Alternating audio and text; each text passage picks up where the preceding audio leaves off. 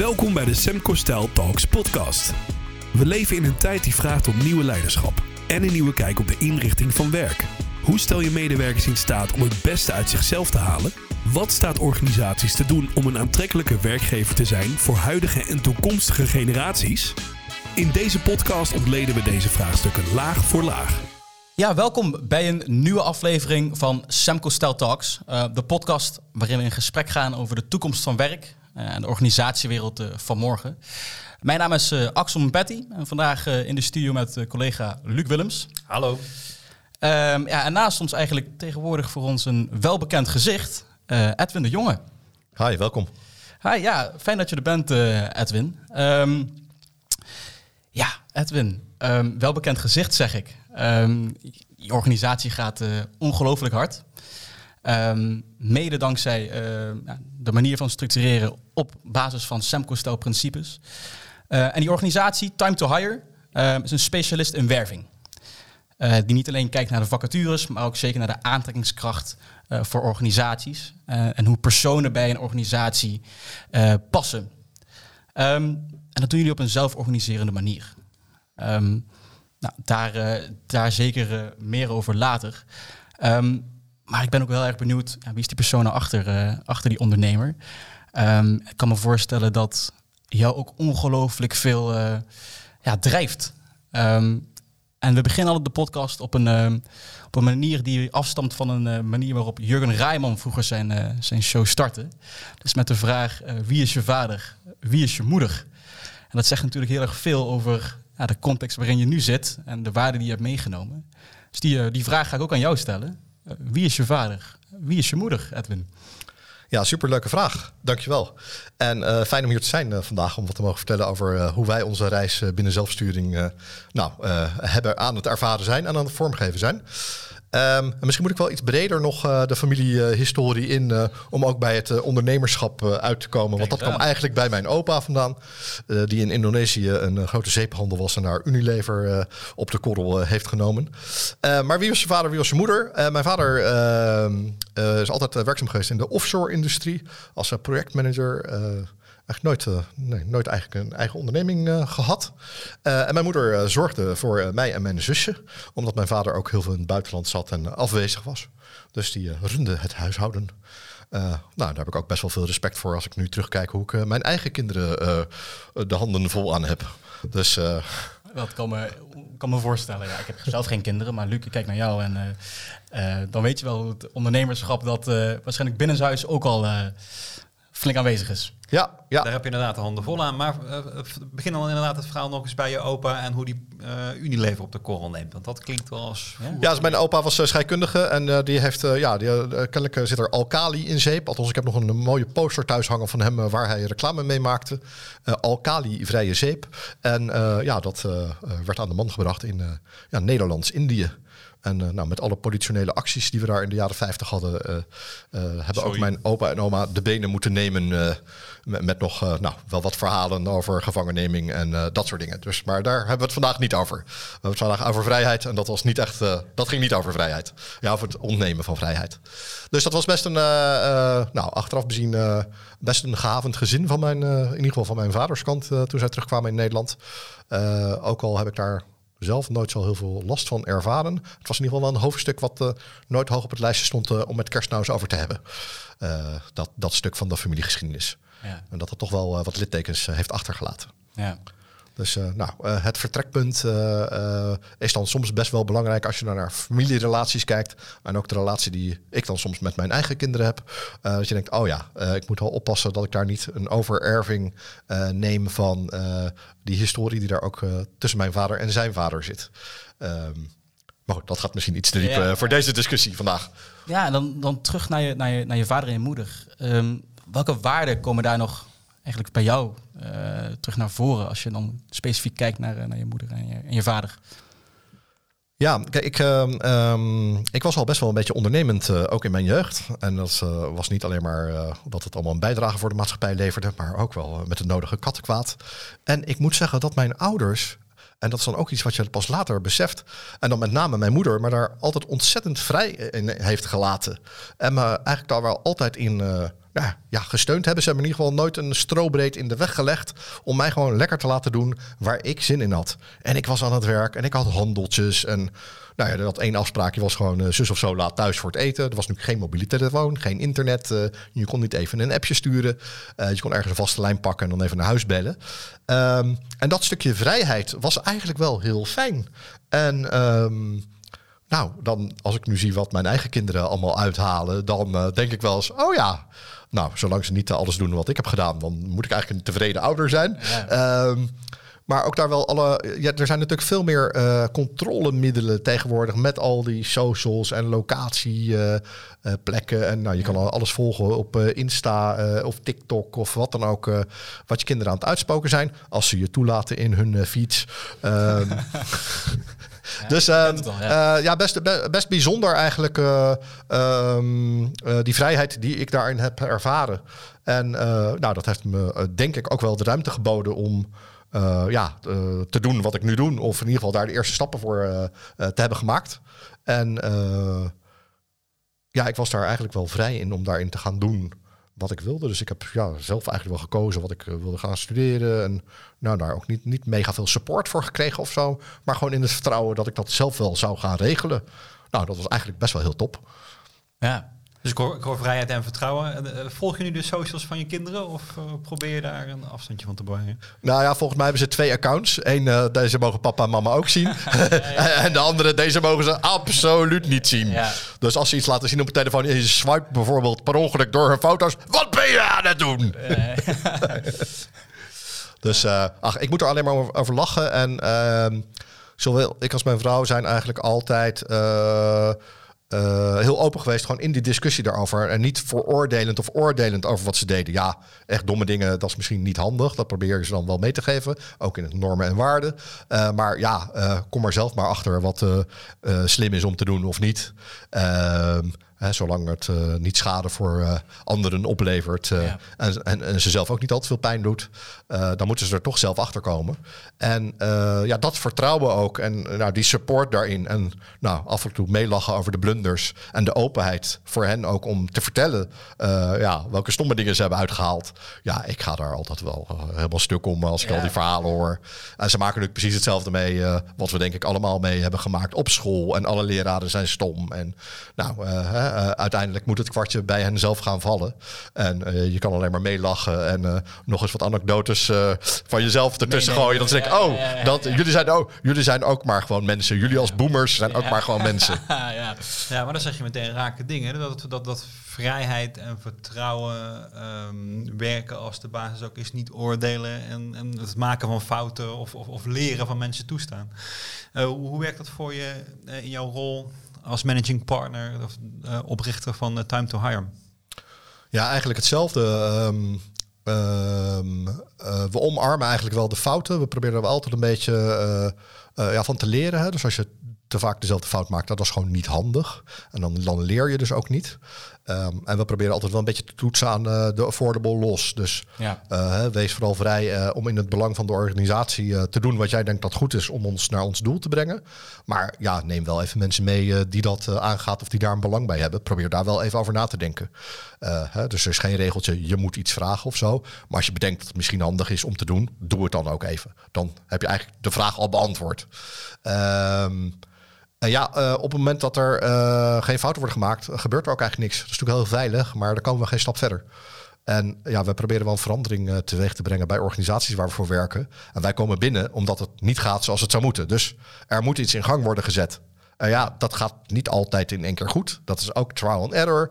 Of een beetje growth hackend met een hip woord. Maar je moet gewoon dingen proberen. En ehm, ja, wel ook ehm, de, in, de, in, je, uh, in je feedbackloopje kijken of het het gewenste resultaat oplevert. Nou, en uh, als je denkt dat het goed gaat, dan ga je daar meer van doen. En wat niet werkt of niet lukt, uh, daar, ga je, daar stop je mee en dat verander je. Dus een beetje dat trial and error verhaal heb, je, heb je nodig. En dat betekent dus ook dat er dingen misgaan. Nou, als dat niet meteen je reputatie als bedrijf kost of een faillissement inluidt, dan denk ik dat het, allemaal, dat het allemaal prima te managen is. Uh, maar dat bewustzijn daarop dat je fouten mag en kan maken en openheid daarover. Dus niet afgestraft worden om fouten te maken Maar openheid over wat er niet werkte en daarvan leren als organisatie en als individu natuurlijk. Ja, dat is echt super belangrijk. In een mensenleven opgroeiend, maar ook in een organisatie. Ja, nu, gaf je aan, het is inderdaad vaak ook het geval bij klanten. Daar loopt het niet. En uh, nou, ga je een bepaalde verandering ga je daar, daar proberen in te brengen. Aan de voorgrond zit er natuurlijk ook ja, de, diezelfde mindset. Die moet bij je eigen uh, mensen moet ook aanwezig zijn. Nu werken jullie bij Time to Hire veel met, met jonge professionals. zijn vaak mensen die vanuit het studentschap inkomen rollen. Um, maar ik kan me ook voorstellen, ja, op, op school, op de universiteit of op de HBO, word je toch ook wel vaak een beetje, een beetje ingebokst in een mindset van ja, fouten maken is, is niet geweldig. Zit in het nakijken in plaats van het goede voorbereiden, zei uh, een, een eerdere podcastgast hier. Dus, dus hoe moeilijk is die, is die weg om je personeel, je, je collega's dan op die mindset ook te laten, um, ja, te laten functioneren? Uh, ja, lastig, lastig. Wij, wij doen niet zo heel veel met echte schoolverlaters. Dus een beetje de basis onderstroom is toch wel drie tot ja, een beetje drie, vier, vijf jaar ervaring. Ja. Um, en dan zijn we natuurlijk redelijk murf gemaakt uh, door de hiërarchie van het systeem.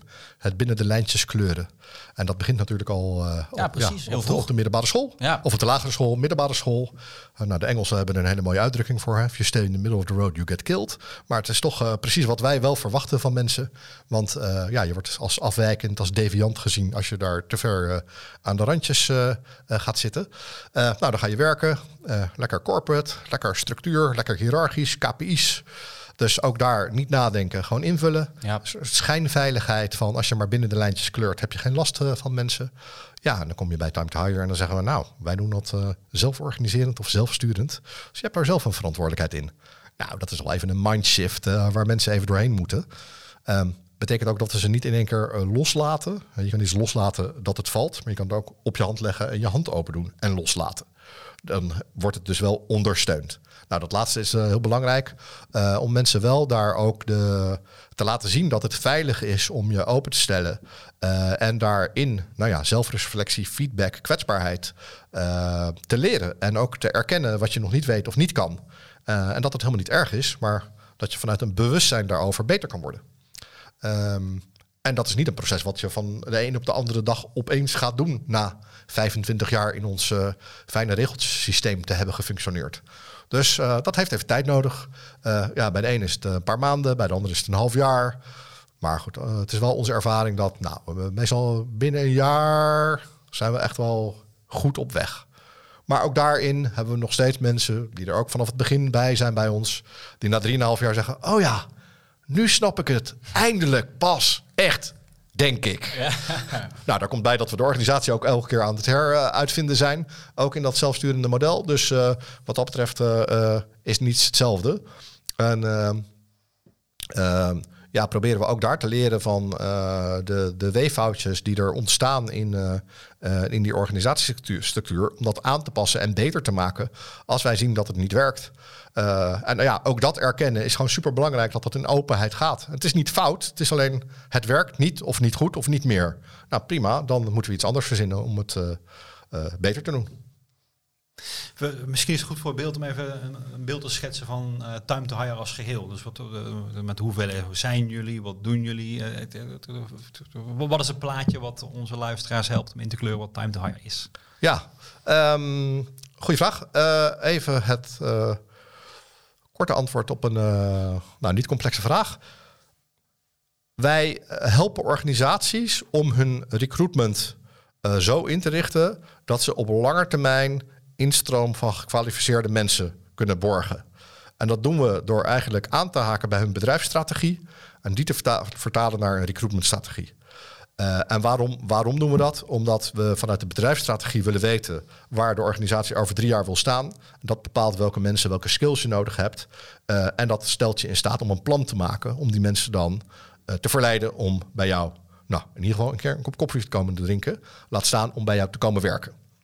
Uh, en dan krijgen we het hele proces van uh, verleiding. Hè? Eigenlijk het hele nou, salesproces. Men moet weten dat je bestaat, dat je een leuke werkgever bent, uh, dat je interessante functies hebt. En dan als het moment rijp is, dat je ook kan zeggen, nou kom dan een keer praten, want nu hebben we een rol die jou op het lijf geschreven is. Ehm, en dat betekent dat we vaak eh, heel erg inhaken op eh, niet alleen die organisatiedoelen, maar ook op de cultuur die er is. Eh, om het wel aantrekkelijk te maken en het, het goede verhaal te vertellen naar de doelgroep die je zoekt. Dat doen we met inmiddels eh, 85 eh, recruitment professionals in die hele breedte eh, eh, van recruitment. Dus we hebben mensen die meer aan de voorkant, aan de sourcing kant zitten. Mensen die meer aan de eh, strategiekant zitten. eh, om ook eh, eh, ja, organisaties echt te helpen om dat eh, eh, go- goed te gaan omschrijven waar ze nou precies willen. En het plan te maken. En mensen die echt heel erg aan de operationele kant zitten om te zorgen dat ja, de mensen ook geworven worden, gesproken worden. En meegenomen worden in dat hele wervingsproces. Eh, dat is wat we doen. Eh, ja, voor eh, de grote bedrijven, kleine bedrijven, scale-ups, corporate.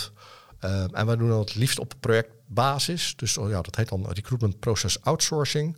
Waarbij wij een team samenstellen van mensen met verschillende expertises. Zoals recruitment marketing of sourcing of projectmanagement. om dat hele recruitment project, die wervingsdoelstelling, te halen over een langere periode. En eh, nou, wij bepalen dan, of ja, samen met de klant natuurlijk, maar wij stellen dat team dan samen. Dus het is anders dan eh, eh, gewoon iemand inhuren die op uren keer tarief bij je komt ondersteunen op een proces. Wij helpen echt het proces nou, in te richten en te runnen.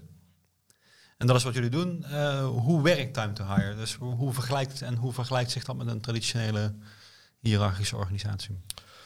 Ja, bij ons in de branche, eh, in de recruitmentbranche, eh, wordt er heel veel, eh, zeker in de werving en selectie, op basis van eh nou ja, omzet-KPI's gewerkt. Die, en ja, daar in de breakdown naar zoveel beddetjes op een dag. En nou, dat is een soort maakbaar sturingsproces, lijkt het wel. Eh, nou ja, de gezel erover. En eh, nou, eh, als je de, het is pas veilig als je je KPI's hebt gehaald. Eh, nou, dat is ook een organisatiemodel. Wij geloven niet dat mensen daar gelukkig gaan worden. Althans, wij ervaren dat mensen heel graag bij ons komen werken. Omdat, omdat ze daar niet gelukkig van zijn geworden. Ehm eh, dus wij doen dat anders. Wij kijken wel naar output. Want we hebben natuurlijk een doelstelling die we in dat project met de klant afspreken om te gaan werven. Ehm, en als we, we- we maken wel de breakdown van die output, hoe we daar komen, door in te zoomen op input. Maar de input is niet heilig voor ons. Dus er zijn geen KPI's op die input. De input is een. ehm, eh, is data die we kunnen gebruiken om beter te worden. Omdat we dan weten wat er gebeurd is om tot output te komen. En daar kunnen we optimaliseren. En ja, hoe wij omgaan met onze mensen eh, is niet op eh, eh, individuele eh, targets gericht, maar is op eh, ja, klanttevredenheid en klantoutput gericht. En daar heeft iedereen een rol in. Eh, en samen zorgen we ervoor dat we een project eh, tot goede resultaten brengen. Wat bedoel je dan met klant output? Eh, nou, als wij zeggen dat we eh, voor eh, jullie 100 mensen gaan werven het komende jaar, dan eh, hebben we een tellertje ergens staan waar we ons richten op 100 mensen. En dat is dan waarschijnlijk onderverdeeld in een aantal functies. En dat verdelen we onder in, eh, de, in de tijd. Wat, wat wie welke maand. En wat is, eh, eh, hoe, hoe plan je dat? Wat is eh, een beetje het plan van aanpak? Hoe je die mensen gaat werven? Welke kanalen ga je inzetten? Ja, en dan gaan wij eh, zorgen dat we eh, eh, het gaan doen en een resultaat gaan halen daarop. Met alle eh, bijsturing die daarop nodig is. Zowel eh, nou ja, eh, middelen, eh, kanalen, input van de organisatie zelf, dat het leeft in de organisatie. Dus de inrichting van dat hele project. Nou, ehm, daar hebben we regelmatig ja, eh, evaluaties in eh, met onszelf, maar ook met de klant. Ja, hoe dat gaat, waar lopen wij tegenaan in de markt, in een organisatie, in die werving. En eh, ja, wat moeten we bijstellen om beter te worden? Eh, of zijn er veranderende omstandigheden waardoor we ons plan moeten aanpassen? Dus eh, we zijn heel erg op die output gericht, want dat is uiteindelijk het doel waar we binnenkomen. Ehm, en dan kunnen we wel de breakdown maken. Nou, wat hebben we dan gedaan om daar te komen? En kunnen we dat optimaliseren? Dus als wij eh 100 mensen eh, moeten benaderen om één gesprek te voeren, nou, dan weten we ook als we 10 mensen eh, willen werven, dan zullen we er duizend eh, moeten, werven, moeten gaan eh, benaderen. Maar misschien kunnen we dat wel optimaliseren. En eh, daar hebben we natuurlijk ook wel getallen en marktdata voor, wat een beetje een goede verhouding zou moeten zijn. En daar gaan we dan natuurlijk proberen, proberen op aan te sluiten op een beetje de best practices in de markt. Ja, maar dan nog gaat het om de getallen die voor de klant relevant zijn en niet het cijfer aan de binnenkant bij jullie eh, over omzet. Nee, nee, nee. Kijk, uiteindelijk eh, eh, hebben, we daar, hebben we daar geen doelstelling op. Ja, we hebben geen individuele doelstelling op. We hebben een bedrijfsdoelstelling. Wat wij willen doen qua omzet als, en een bepaalde winstmarge. Om gewoon een gezond bedrijf te zijn. Om te zorgen dat wij ook naar de toekomst toe de salaris kunnen betalen. En de dingen kunnen doen die wij willen doen en moeten doen voor onze klanten. En, en om onze groei te bekostigen. Ehm, maar het is niet een breakdown naar individuele prestaties van de mensen. Iedereen draagt daar aan bij. En dat kan zijn, uh, ja, het kan ook zijn als je een interne functie hebt uh, of als je een externe functie hebt. Of je een fee-earner of fee-burner bent, dat maakt niet uit. Je bent gewoon belangrijk voor die totale bijdrage en dat klantsucces. Ja, dus ik, ik, ik, hoor een cultuur van, van uitgesprokenheid en uh, verantwoording nemen voor je keuzes. KPI's van de klanten. Kun je nog iets zeggen over de structuur? Of over het organisatiemodel, zeg maar? Ja, dus wij zijn uh, nou, Semco-stijl uh, ingericht. Zelf, zelfsturend, zelforganiserend. Um, ja, eigenlijk vanuit mijn eigen ervaringen met Semco. Dat ik meestal, oh, dat is ook mooi. Er is iets uh, wat eigenlijk mijn eigen leiderschapsstijl wel definieert. En daar word ik eigenlijk wel blij van als iemand daarover nagedacht heeft. En daar ook nog eens een boekje over heeft geschreven. Over hoe dat dan in elkaar steekt. Dus nou ja, met veel liefde, inmiddels alweer vijf jaar geleden, de hele Semco-stijl trajecten doorlopen. En... Um, ik werd wel bijzonder blij van het uh, element volwassenen als volwassenen behandelen en uh, ja, supportsystemen bouwen in plaats van controlesystemen. Dat zijn echt wel de tegeltjes die mij zijn bijgebleven. Uh, en vooral het werken vanuit vertrouwen met mensen. Ik ben geen micromanager. Ik hou niet zo van controle. Ik hou niet van om gecontroleerd te worden en niet om te doen zelf. Um, dus dat was wel de leidraad voor ons om ook de organisatie vanaf het begin in te richten. En ook een cultuur van nou ja, vertrouwen, zelforganisatie in te gaan richten bij de start. Uh, ook als tegenpol tegen de, ja, de beetje de markt uh, van recruitment, uh, waar dat dus vaak anders gaat. Dus dat hebben we door onze hele structuur hebben we het, of door onze hele cultuur hebben we het heen geweven. en ook in onze structuur. We hebben een beetje de, de, de cirkelstructuur van uh, holacracy gepikt. Maar daarin uh, uh, stoppen we eigenlijk bij de, de wetmatigheid van besluitvorming van holacracy. Omdat we veel meer aansluiten bij de, de lean agile methode van Semco-stijl. Wat ook over democratische besluitvorming gaat. En ja, dan de transparantie van informatie, maar ook het stakeholder management. Dus dat komt eigenlijk over, overeen met de holacracy elementen. Alleen holacracy heeft er dan een heel proces achter zitten wat je, nou ja, de zaakjes moet volgen. En als het moet is, dan zijn het regels. En we houden niet zo van regels. En meer van een kader waarbinnen we opereren. Dus uh, dat is eigenlijk de, de organisatiestructuur. Uh, dat cirkelmodel en ja, de cultuur is gebaseerd op uh, Semco-stijl. Ja, en nu, nu hoor ik je zelforganisatie zeggen. Um, en zelforganisatie is, is, vaak wel gewoon een vrij lastige term. Nou, ik, ik haal het je verhaal uit dat het, komt neer op vrijheid, verantwoordelijkheid, uh, vertrouwen, eigenaarschap. Um, omdat in ieder geval als collectief dan te brengen. de individuele prestaties, um, ja, die gaan eigenlijk allemaal naar het collectief. Uh, dat, die zijn belangrijk. Um, er bestaan rond, rondom zelforganisatie natuurlijk wel ja, heel veel, bijna mythes noemen wij ze altijd. Um, en sommige mensen zeggen van ja, zelforganisatie, ja, leuk, maar dat werkt in deze branche niet. Of ja, werkt misschien in de branche wel, maar niet voor onze organisatie, voor onze mensen. Um, en een andere mythe is dat vrijheid binnen zelforganisatie misschien leidt tot chaos. Soms misschien eh, zelfs anarchie. Um, wat, wat is jouw kijk daarop? Uh, kan dat? Hoe zie je dat? Ja, heel grappig, want dat is heel vaak ook wat wij in de sollicitatieprocessen uh, terugkrijgen van de mensen als we een beetje uitleggen hoe we dan werken met elkaar. Ja. En daar hebben ze er wel wat over gelezen.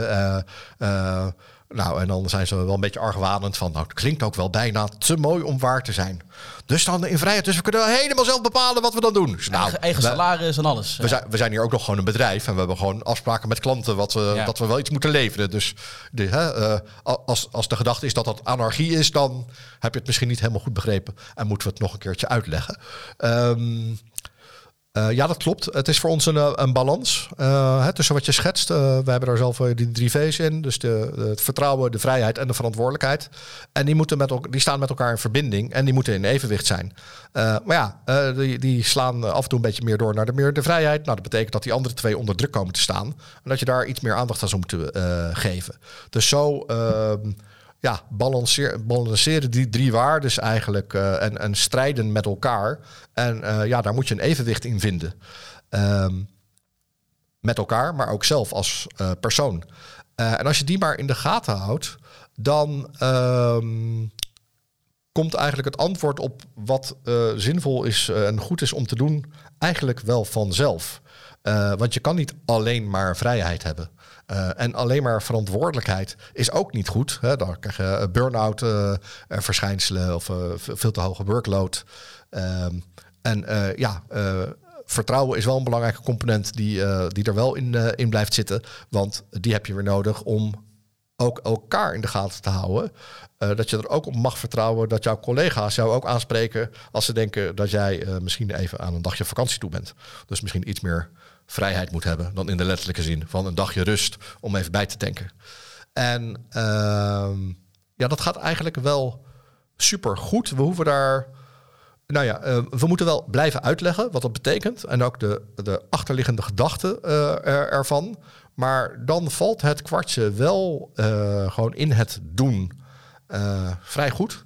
En daar hebben we weinig last van eh, de anarchistische neigingen. Zoals ze misschien worden ged- ge- gedacht er te zijn. Ja. Dus ehm, ja.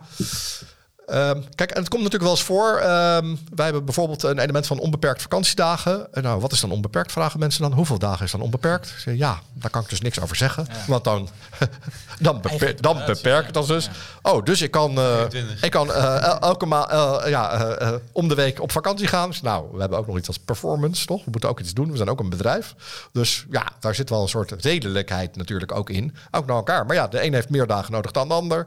En ja, het eh, komt wel eens een keer voor dat iemand daar nou, misschien iets te losjes mee omgaat. Nou, dan hebben we het kennelijk niet goed genoeg uitgelegd. En dan zijn wij niet de partij om dan te zeggen... nou, dan gaan we dus nu maar wel regeltjes maken. Dan gooien we al die principes overboord... omdat er één van de tachtig Ja. eh, het niet helemaal goed begrepen had... en daar misschien iets te veel ruimte heeft genomen. Ja. Ja, dat gaan we dus niet doen. Dan gaan we aan die persoon nog een keer heel goed uitleggen. En dan zeggen we ook, dan maken we er een casus van. Dan zeggen we intern, nou, dat ging hier even mis. Hoe zou dat nou gekomen zijn? Laten we eens kijken, wat kunnen we er nog beter uitleggen? Misschien moeten we een onboarding, misschien extra aandacht aan besteden. Hoe gaat dat dan? Want soms is te veel vrijheid die niet gekaderd is ook best heel lastig. Als je niet gewoon wat richtlijnen geeft in hoe daar dan mee om te gaan. En dat bedoel ik niet. De richtlijn is dan, je hebt een x aantal dagen. Of dat komt ongeveer neer op. Nee, want dan beperk ik het. Dan had ik eigenlijk dat hele principe over, overhoop. Maar wel door uit te leggen wat dat dan betekent. Waarom je het nodig zou kunnen hebben. En hoe je ook borgt dat jouw collega's dan even voor je inspringen. Als jij opeens zegt, joh, ik trek het allemaal even niet meer. Of ik heb echt een familieomstandigheid waar ik even aandacht aan moet besteden.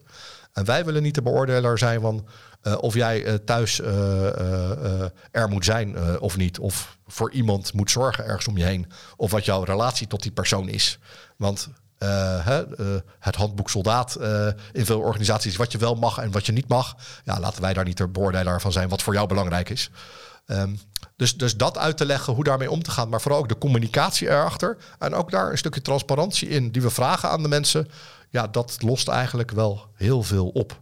Communicatie. Ja, sowieso is wat, wat, wat kunnen we hiervan leren? Een veel betere vraag dan wat, wat hebben we nou te regelen? Hè? Want dat, dat, dat- een van de klassieke valkuilen van organiseren is de bureaucratische cirkel. Regels leiden tot regels en risico's ook. Dus als inderdaad een keer, de keer dat er iets misgaat, komt er een regel. En voor je het weet, regelt de hele boel dicht. Het ja. de vraag stellen, wat kunnen we hiervan leren? Eh, een vele ehm, eh, gezonder is, eh, die leidt tot verbetering, maar niet tot het dichtregelen van organisaties. Ja, Ja, gek, gek genoeg als, als ik ehm, met, eh, met de kennissen van mij heb over ongelimiteerde vakantiedagen. En dat is eigenlijk de eerste reactie altijd van... eh, zo, weet je, dan... eh nou, Lekker. vijf- een stuk of 50, 60 of zo. En ja, dat zou top zijn. Ehm, dan- dan, leg je het wat uit. Nou, het gaat gepaard met verantwoordelijkheid en met, met de doelen die je neerzet. En al gauw gaat het gesprek dan naar van... Oeh, zijn er dan ook mensen die eigenlijk heel weinig vakantie nemen? Sterker nog, eh, misschien zelfs helemaal niet in een jaar. En dan misschien met kerst, omdat kerst toevallig eh, eh, in het weekend valt... dat ze dan ook een keer de maandag erachteraan eh, vastplakken. Hoe, hoe. Ehm, zien jullie die verschijnselen dan ook? Dat er eh, mensen zijn die ook eigenlijk zo'n, misschien wel zo'n groot verantwoordelijkheidsgevoel hebben of nemen misschien wel dat ze nou, eigenlijk van die ongelimiteerde vakantiedagen eigenlijk helemaal geen gebruik maken. Wat de impliciete norm zelfs het omgekeerde wordt. Precies. Ja. Dat dat het misschien dat wel de paradox is van eh, de ongelimiteerde vakantiedagen. ja, maar daar hebben we dus wel een supportsysteem voor om ook elkaar daarop te wijzen dat je wel af en toe vakantie moet nemen. Ja. Dus dat het goed is om ook af en toe even op te laden en even weer energie op te doen. En niet uh, uh, al, allemaal door blijven jakkeren op werk. Dus ook de collega's die denken, ik kan geen vrij nemen, want... Hè, ja. te, misschien wel te groot verantwoordelijkheidsgevoel. Uh, ja, die worden wel door hun collega's, door de supportsystemen die we ervoor in hebben gericht in de organisatie, opgewezen dat er best iemand even kan instappen. En dat we dan misschien toch even met de klant moeten praten. Dat het best nodig is dat jij ook even vrij neemt en vrij bent. Dus dat, dat, daar, daar waken we wel voor, dat we niet die valkuil in gaan dat mensen geen vakantie opnemen. Dat is echt super belangrijk. Dat welzijn van de mensen is natuurlijk wel gewoon ja, prioriteit nummer één. En ja. Uh, ja. people first betekent wel gewoon die menselijke aandacht is een, mega belangrijk.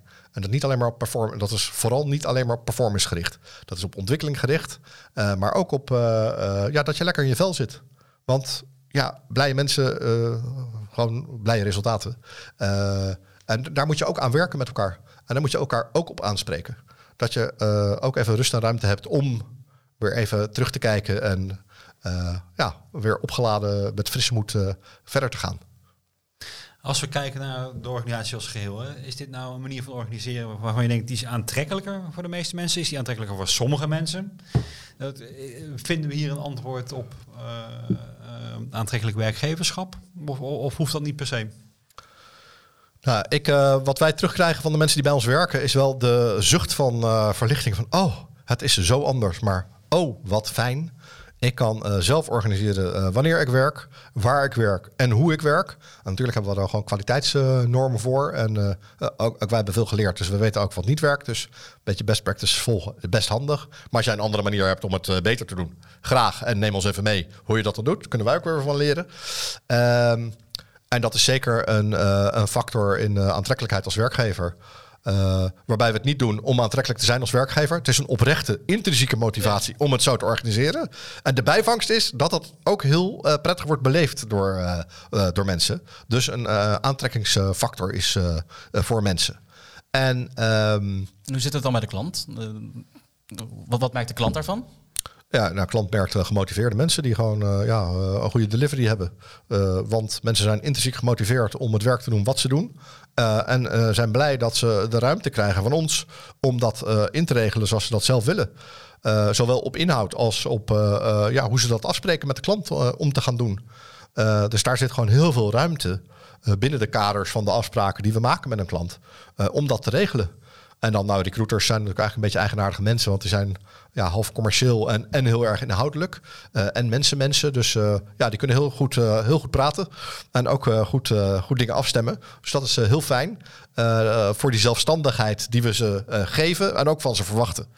Ehm, maar het is zeker niet alleen voor recruiters weggelegd om in die vrijheid te opereren. Nou, het klinkt wel alsof het um, vooral appelleert aan mondige, stevige professionals. Um, ja, maar ook de mensen die het niet gewend zijn bij ons, vinden dat best lastig in het begin. Hoe mondig ze ook zijn.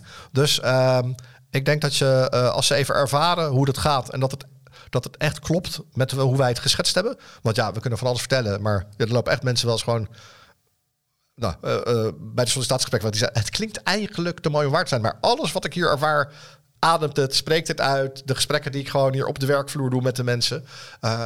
Maar, toch, het kan bijna niet. Het kan bijna niet. Nou, als ze dan eenmaal een maandje zitten, dan zeggen ze... Ja, het klopt gewoon echt. Het klopt gewoon echt. Ik ben zo blij. Ik ben zo blij. Ja, dat is natuurlijk het mooiste compliment wat wij kunnen krijgen.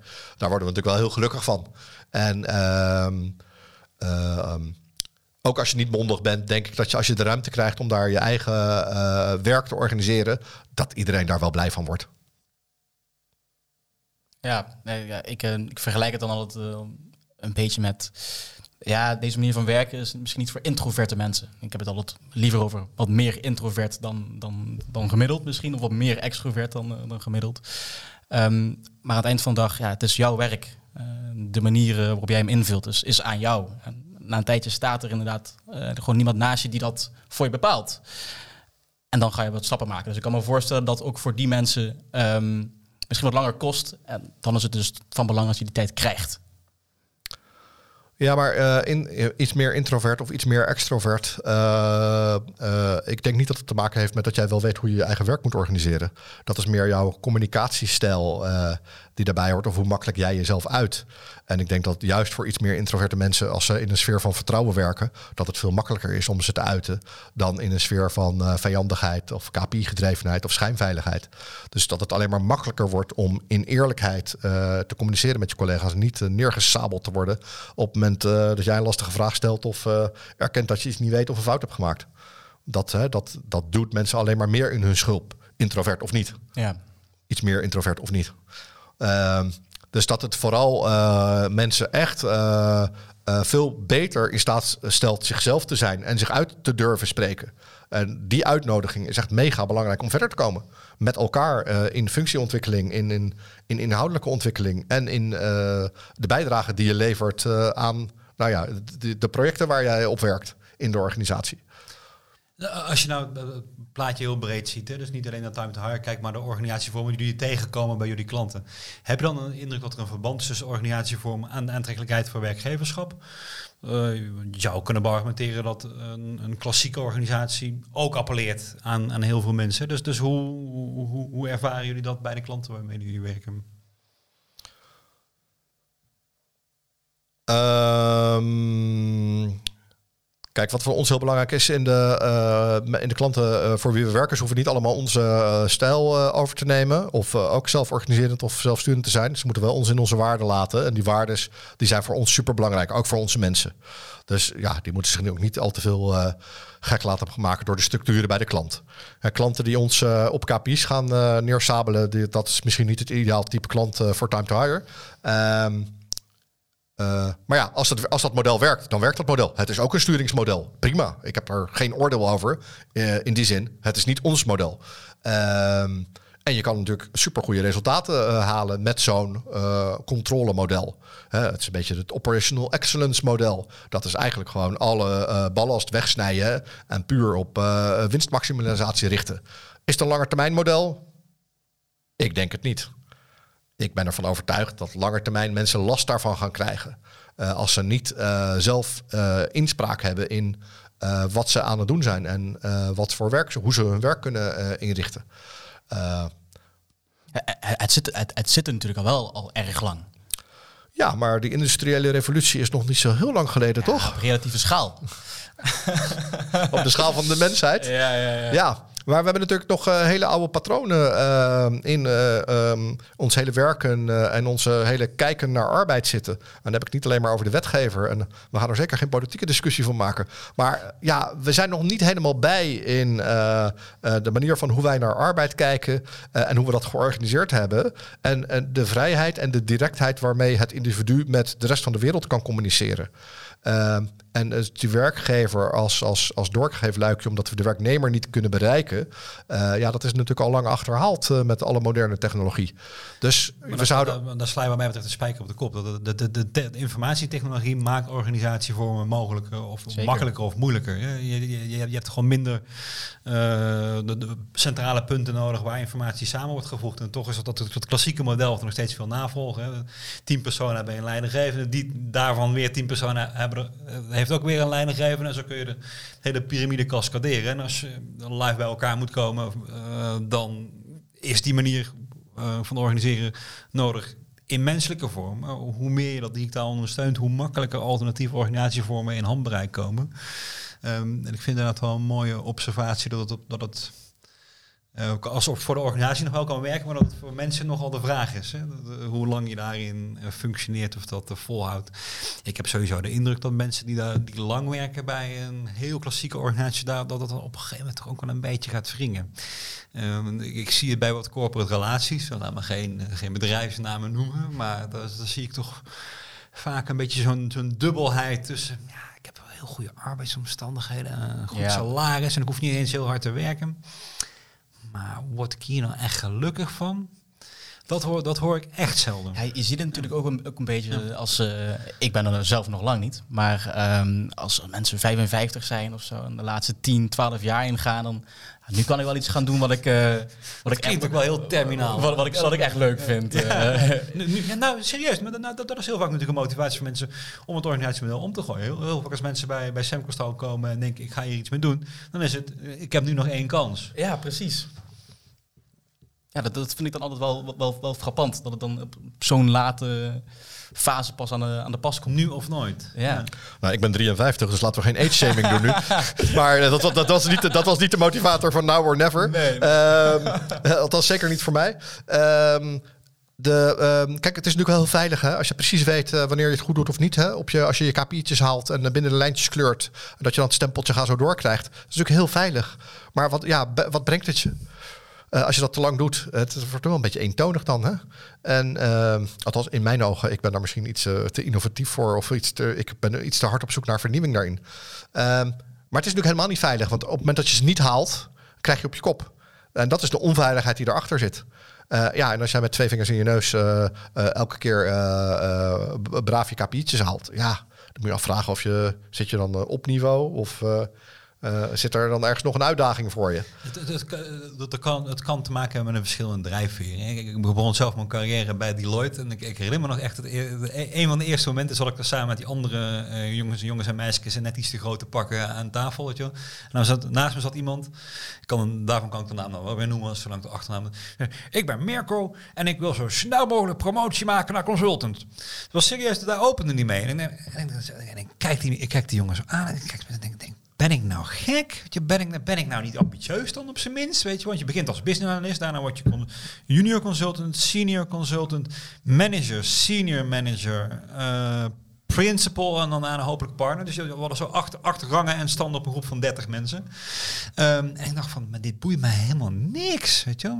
Maar, ben- ik dan niet ambitieus? Volgens mij ben ik wel ambitieus. Alleen mij gaat het niet zozeer om de functietitel en ook niet om salaris. Echt een integendeel. Eh, maar wel om persoonlijke groei. Alleen persoonlijke groei hangt niet zozeer af van je, van, je, van, je, van, je, van je functietitel. Maar misschien is dat nog wel een belangrijke differentiator waar we ook erkenning voor moeten hebben. Want voor heel veel mensen is status wel een drijfveer. En dat is misschien wel heel prettig als je functietitel en je lease-categorie eh, één keer in zoveel tijd eh, opschuift. Ehm, dus hoe zien jullie dat? Hoe zie jij dat, Axel, trouwens? Wat is, wat, wat- is jouw drijfveer eigenlijk? Ehm, ja, we, we, hadden het afgelopen, afgelopen podcast over, eh, over authentiek leiderschap. Ehm, ik, ik, ik zie mezelf altijd een, eh, in ieder geval hier de organisatiedeuren binnenkomen of, of ergens waar ik het ooit zal, zal gaan doen. Om, om puur zeg maar, de manier te zijn die, die ik gewoon zelf ben. Ik, eh, ik, ik kan daarin niet heel veel anders. Dus de organisatie, de cultuur waarin ik moet, zou moeten zitten, die zou dat moeten omarmen. Ehm, en voor mijn gevoel breng ik op, op, op die manier ja, het beste uit mezelf en ook uit anderen. Eh, en nou, wat er tegenover staat, ja, dat is iets wat, wat ik dan in het collectief zoek in plaats van in het individu. Dus ja, individuele status. Ja, binnen het collectief top, maar daarbuiten, ja, dat interesseert me dan voor mij in ieder geval heel erg weinig. Dus dan is er ruimte voor, voor eigenheid. En Ja, eigenheid, bedrijf. eigenaarschap, dat, ehm, dat, dat, drijft mij. Dat, dat drijft mij, ja. Ja. Maar het belangrijke bij die hele eh, functiehierarchie eh, is natuurlijk dat die vaak gepaard gaat met dat als jij in een hogere functie zit, dat jij meer gelijk eh, lijkt te hebben dan een ander. Ja, En daar gaat het natuurlijk mis. ja. En eh, dat je in je structuur een hiërarchie hebt, nou Of prima. meer besluiten mag maar, nemen dan. Maar ja, maar dat wil niet zeggen dat je in je besluitvorming of in de stem die iedereen daarin heeft, eh, meer of minder belangrijk hoeft te zijn. Kan natuurlijk wel. Hè? Als je het zo heel traditioneel eh, eh, eh, inregelt, dan heb je daar onderin niet zoveel te vertellen. En bovenin alles. Nou, de alwetende of zo. Ehm, het wordt bijna religieus misschien wel in sommige organisaties. Slightly off topic. terwijl, terwijl, nou, dan volgens mij zijn er genoeg boekjes over volgeschreven dat eh, ja, als je nooit naar de werkvloer luistert, dat het meestal niet zo goed gaat met het sturingsmodel. Ik weet niet of we voorbeelden hebben in de huidige economie waar het niet zo goed ging. En eh, dat er misschien wel geluiden van onderaf zijn gekomen dat, het, eh, dat er misschien wat aan de hand was. Ehm, dus ja, eh, als je, als je gewoon, gewoon iedereen een stem geeft die gehoord wordt in de organisatie, maakt het niet zoveel uit welke, welke titel er op je naambordje staat. Ehm, maar ik denk dat eh, eh, de, de, ja, de, mensen, de vakmensen, eh, vooral in de uitvoering, heel goed weten wat ze aan het doen zijn. En wat er aan de hand is en of wat er wel of niet beter kan. En als je die aansluit op waar je heen wil als bedrijf, heb je een fantastische dialoog met elkaar. Moet je wel luisteren naar elkaar. Dan moet je A, de informatie ophalen. Moet je mensen in veiligheid, in vertrouwen hun mening kunnen laten geven. En dan moet je ook luisteren en er wat mee doen en ze feedback geven op de input die er komt. En ik denk als je, dat, je, dat daar in heel veel organisaties nog enorm veel winst te behalen valt. Uh, maar dat, dat volwaardig zijn uh, als mens in een organisatie. Wat nou ook je historie is en of je er lang, lang werkt of niet. Uh, tuurlijk, je kan kennis en ervaring kan je natuurlijk ook een plek geven. Maar dat wil niet zeggen dat je altijd gelijk hebt. Omdat jij meer kennis hebt, meer ervaring hebt of ergens langer werkt. Of een vice-president voor je naam hebt staan. Dat maakt niet zo heel veel uit in het gelijk hebben of niet van een argument. In mijn ogen. Dus die gelijkheid daarin en het luisteren naar elkaar. En nou ja, het ook toch wel uh, een stuk, misschien wel democratische besluitvorming erin. Dat is denk ik iets wat heel veel waarde toevoegt. En mensen ook een, uh, uh, nou, niet alleen een gevoel van bijdrage geven, maar echt zich gehoord laten voelen in organisaties. En ik denk dat je daar ehm, mensen ook heel gelukkig mee maakt om hun zegje te kunnen laten doen en te mogen laten doen. En dat dat, dat dat het belangrijkste is om te doorbreken in hiërarchische structuren. Denk je dat organisaties zich meer die kant op aan het bewegen zijn of gaan bewegen? Of is het nog steeds iets voor de happy few? Nou, we hebben natuurlijk wel een kleine wake-up call gehad uh, uh, in de markt. Uh, opeens waren alle, alle mensen op, zullen we maar zeggen. Ja, ook overal. Soort, soort, de schappen, zijn de schappen in de supermarkt zijn niet bijgevuld. Ja. Um, maar, waar, waar, dan overigens ook nog meteen foto's op de NMS staan. Hè? Dan ja. sluit hij misschien tot en met... Kijk hier, een leegschap! Paniek! Ja. Nou, nu hebben we uh, heel veel lege stoelen uh, op kantoor. Dat is kennelijk van, uh, van de een op de andere dag gebeurd.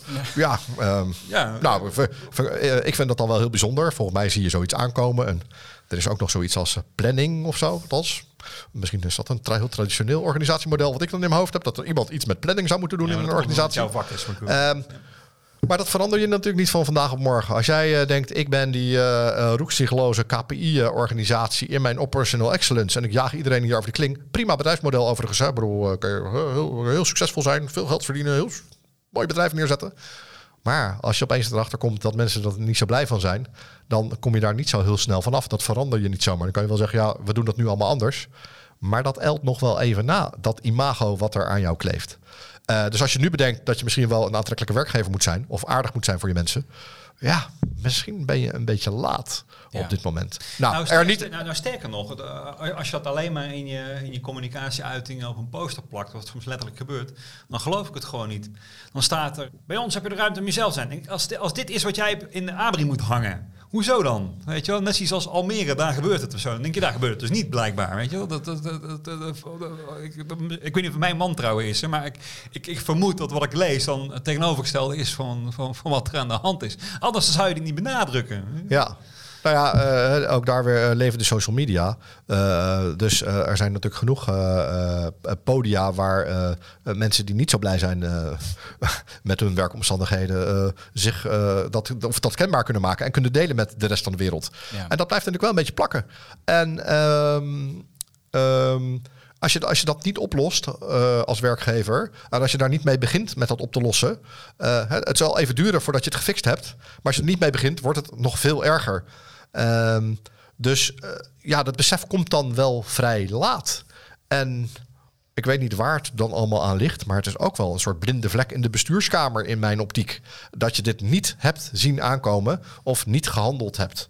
Want voordat de krantenkoppen vol stonden met coronanieuws, was er best al wat te doen met onze beroepsbevolking en demografie en uitstroom uit de MBO's en de HBO's en de universiteiten. Dus het is niet nieuw.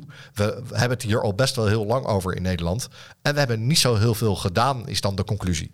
Nou ja, ja uh, nou, de, de, krantenkoppen staan natuurlijk ook plotseling vol mee. Dat, dat, dat, maakt ook uit. Dus waarschijnlijk gaan nu een paar maanden, dan gaan we weer naar een ander thema. Ja, maar op zich kan me ook voorstellen binnen de, binnen de recruitment business, uh, personeelstekort, ja, dat misschien wel een beetje onlosmakelijk met elkaar verbonden. Um, in die zin hoor ik waar het ergens is ontstaan. Uh, gebrek aan aandacht misschien wel voor, uh, voor het individu binnen een organisatie. Um, zie je dan ook mogelijke oplossingen of adviezen misschien wel voor een, voor een organisatie die, die echt met het met, ja, met handen in het haar zit en zegt van oké, okay, waar moet ik nu mee beginnen dan? Of is het ja, ja al, nou laat ik beginnen met het is natuurlijk heel fijn als je kan zeggen nou de markt is gewoon heel moeilijk. Daarom lukt het ons niet om mensen te vinden. Maar het vinden van goede mensen is altijd een uitdaging. En de 25 plus jaar dat ik in dit vak zit, is dat altijd al een uitdaging geweest. Hoogconjunctuur of laagconjunctuur. Uh, crisis links, crisis rechts, financiële crisis wel of niet. Het is altijd moeilijk om goede mensen te vinden. Uh, in hoogconjunctuur uh, hobbelen ze allemaal door. In laagconjunctuur blijft iedereen vastzitten waar ze zitten. Oliecrisis. Oliecrisis hebben we ook nog meegemaakt. Nou, dat was dan Voor mijn wel tijd, een beetje voor mijn tijd. Ja, gelukkig. Ook nog iets voor mijn tijd. En niet alleen maar de dinosaurussen. Ehm, Ook voor mijn tijd. dus, dus, dus, dus daarin is het eh, eh, eh, nou ja, ook, wel, eh, ook wel een beetje gewoon een slecht excuus. Dat je dus niet hebt ingezet op dat binnenhalen van die goede mensen. Het aantrekkelijk zijn als werkgever. Want dan heb je, als het goed is, gewoon wel wat rapport gebouwd in die markt. Ehm, dus ja, het is iets van alle dag. Op zorgen dat je de goede mensen binnenkrijgt. En want die mensen gaan uiteindelijk bepalen of jij je bedrijfsdoelstellingen gaat halen, volgens mij. Dat is wel gewoon werk wat door mensen wordt gedaan. Ehm, dus die focus die zou je als organisatie altijd moeten hebben. Eh, en dan vooruitkijkend zou je ook eh, wel een beetje moeten kunnen inschatten wat er op je afkomt en wat de behoefte is die je dan daarin hebt. En daar moet je dan wel op gaan handelen. Ehm, want het gaat niet vanzelf. Eh, dus eh, ja, dat is een vak. Ehm, als we dan nu wat breder trekken. ehm, we hebben het in deze podcast altijd over ehm, de organisatiewereld van morgen, maar ook een leiderschap. En dat een collectief leiderschap ook wel zeker eh, aan de oppervlakte mag komen te liggen. Dat niet enkel één bestuurder is die de leider is, of één manager die de leider is. Om, om, om, daar nu op te focussen, hoe, hoe is jouw visie op de toekomstige organisatiewereld en, leiderschap daarin? Ja, ik denk dat leiderschap eh, vooral eh, eh, faciliterend moet zijn. Dat is echt een, een overtuiging. En eh, niet een leiderschap eh, eh, als al, alwetende eh, moet zijn. De kennis zit echt in de organisatie bij de mensen. En eh, nou ja, twee weten er meer dan één. En laat staan als je dat nog eh, wat eh, vermenigvuldigt onder in je organisatie. Dus laat vooral de mensen eh, die er verstand van hebben in je organisatie, eh, eh, eh, betrek die bij eh, besluitvorming. Eh, en eh, kom uit die ivoren toren en eh, ga het ophalen. Zorg ervoor dat je goed weet wat de, de waarden zijn van je als organisatie, wat die drijfveren zijn en waar je heen wil. En dat, dat, dat je dat deelt met de organisatie, dat de hele organisatie dat kan vertellen. Eh, eh, als je ze vraagt waar willen wij naartoe als organisatie, Eh, waar staan we over drie jaar, wat is onze, onze visie? Dat is namelijk het mooiste verhaal om te vertellen. A, voor je interne motivatie, maar ook naar al die mensen die je nog wil gaan aannemen om bij jouw organisatie te komen werken. En als dat alleen maar boven in de bestuurskamer wordt verzonnen en dan in een abri wordt gehangen, ja, ik weet niet of het dan echt lekker landt. Het wordt niet echt beleefd dan. En dan moet het wel ook kloppen. ehm, eh, dus je uitingen excentriek met hoe dat intrinsiek wordt beleefd. En daar is gewoon echt werk aan de winkel. eh, dus ook op HR-vlak. Om te zorgen dat je eh, mensen daarin meeneemt. En zorgt dat de waardes die je zegt te hebben ook naleeft in je organisatie. Want mensen ehm, vertrekken gewoon als ze erachter komen dat het niet klopt wat jij verteld hebt. En de eh, eh, nieuwe generatie die de arbeidsmarkt opkomt, nog veel sterker dan de voorgaande generaties. Eh, dus ja, daar hebben we denk ik echt wel een taak vanuit leiderschap om te zorgen dat we die verbinding in de organisatie gaan maken met de mensen. Of misschien wel opnieuw gaan maken. Maar dat bewustzijn, en of, ik denk ook niet dat het alleen maar aan, aan HR of bestuur is, maar in de hele organisatie kenbaar moet zijn en geleefd moet worden. Dank voor het delen van je ervaring, visie en eh, praktijkvoorbeelden. Het wordt alweer bijna tijd om af te sluiten. Eh, we vinden het ook altijd leuk om iets terug te kunnen geven aan onze gasten. En dat is geen bosje bloemen of een flesje wijn bij de uitgang. Alhoewel we misschien nog wel iets koud hebben staan, je weet maar nooit. Maar eh, is er een vraag, iets waar jij nieuwsgierig naar bent, dat wij mee kunnen nemen naar een van de volgende gesprekken? Want vroeg of laat komt die vraag dan wel weer aan de orde. Ja, de interessante vraag is natuurlijk, eh, eh, denk ik, waarom zou je stoppen met eh, zelforganisatie en zelfsturing? Mooi, die nemen we mee. Ja, ehm, nee, wat ik verder meeneem uit dit gesprek is, ehm, zijn drie V's. Ehm, ja, de, vert- het vertrouwen, de vrijheid en de verantwoordelijkheid. Ehm, is die in balans in je organisatie? En is die uit balans, waaraan moet je, moet je draaien om hem weer eh, in balans te brengen? Eh, en dat is misschien een hele praktische vraag eh, voor, eh, voor organisaties. Kijk naar die drie begrippen. En ehm, hoe staat dat bij jou in je organisatie? Dankjewel, Edwin. Ja, jullie bedankt voor de uitnodiging. Semco Style Talks. Werken in de wereld van morgen.